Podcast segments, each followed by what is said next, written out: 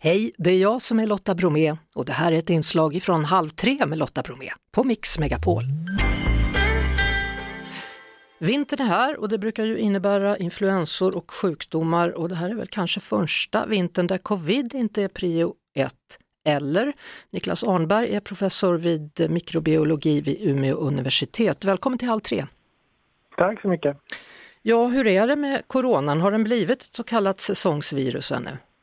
Mm, det är lite för tidigt att säga. Det är absolut på väg mot att bli ett vanligt säsong, säsongskoronavirus så att säga. Men vi har ju aldrig varit med om en coronavirusorsakad pandemi tidigare så vi vet inte riktigt hur lång tid det kommer ta innan det här pandemiska coronaviruset övergår till att bli ett vanligt så kallat säsongskoronavirus. Hur mycket covid kan vi vänta oss i vinter? Vi kan nog vänta oss en hel del covid, tyvärr får man väl säga. Men eh, ska man vara positiv så finns det nog goda skäl att tänka och tro att vi ändå har det värsta bakom oss under den här pandemin. Så förhoppningsvis så behöver vi inte leva med restriktioner. Sannolikt skulle jag säga behöver vi inte leva med restriktioner igen den här vintern som vi har varit igenom tidigare vintrar. Är det fortfarande så att eh, du tycker att man ska ta sina vaccinationer om man har möjlighet till det? Det tycker jag absolut att man ska göra. Eh, man behöver gärna, gärna ta påfyllnadsdoser. Alltså det gäller inte bara de äldre och sköra.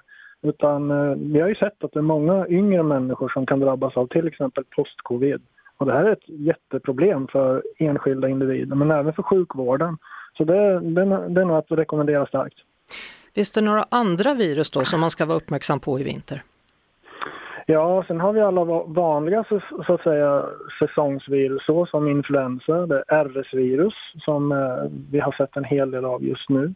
Sen finns det vanliga förkylningsvirus, det finns några som heter parinfluensavirus, det finns metapneumovirus, det finns adenovirus och det finns många andra virus som eh, vi sällan pratar om men som orsakar en hel del problem, sjukdom och belastning på sjukvården. Ja, det här RS-virus brukar man ju oftast koppla ihop då med, med väldigt små barn, kanske som precis är nyfödda, men det är också ett virus som kan vara ganska farligt även för äldre människor. Ja, det kan det verkligen vara tyvärr. Särskilt äldre då som har nedsatt lungfunktion, till exempel de som har KOL, kronisk obstruktiv lungsjukdom. Där kan det här viruset, men även en del andra virus, orsaka en hel del eh, problem för den enskilde men även en stor belastning på sjukvården. Hur rustad är sjukvården för att hantera virusinfektioner och virussjukdomar?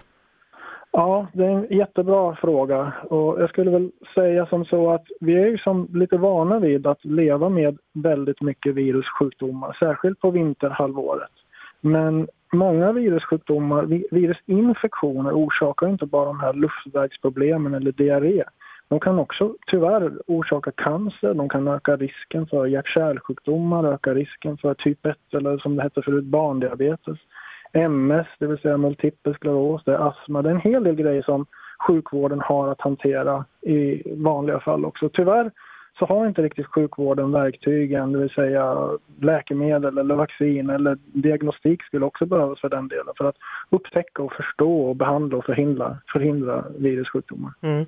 Eh, Cancerfonden finns ju då till för att stötta forskning om cancer och för att hjälpa sjukvården då och nu startas en liknande fond med virusinriktning. Jag utgår ifrån att det är för att det behövs helt enkelt.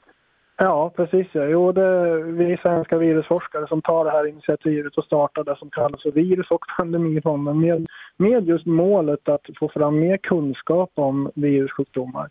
Men också med målet att försöka forska fram ännu bättre verktyg, nya verktyg som sjukvården då behöver för att, ja, för att upptäcka och förstå, behandla och förhindra, förhindra virusorsakade sjukdomar. Tack så mycket och lycka till med fonden då Niklas Arnberg, professor vid Umeå universitet. Tack, tack. Det var det.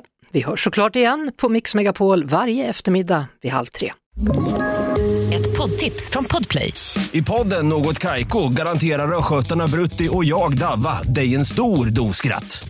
Där följer jag pladask för köttätandet igen. Man är lite som en jävla vampyr. Man har fått lite blodsmak och då måste man ha mer.